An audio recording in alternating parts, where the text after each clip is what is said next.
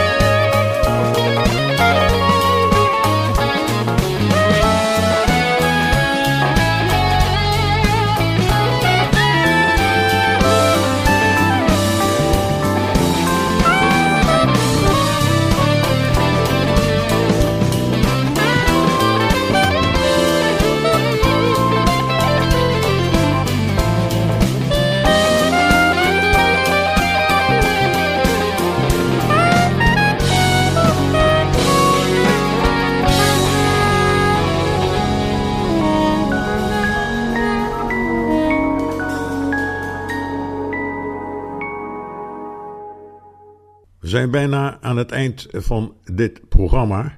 En dat doe ik met saxofonist Yuri Honing. Yuri Honing is een man met een internationale erkenning. In 2009 maakte hij met zijn Electric Band, hij heeft ook een uh, acoustic band, een wereldtournee. En daarvan uh, werden opnamen gemaakt die zijn uitgebracht op het album White Tiger. Hier komt Isobel.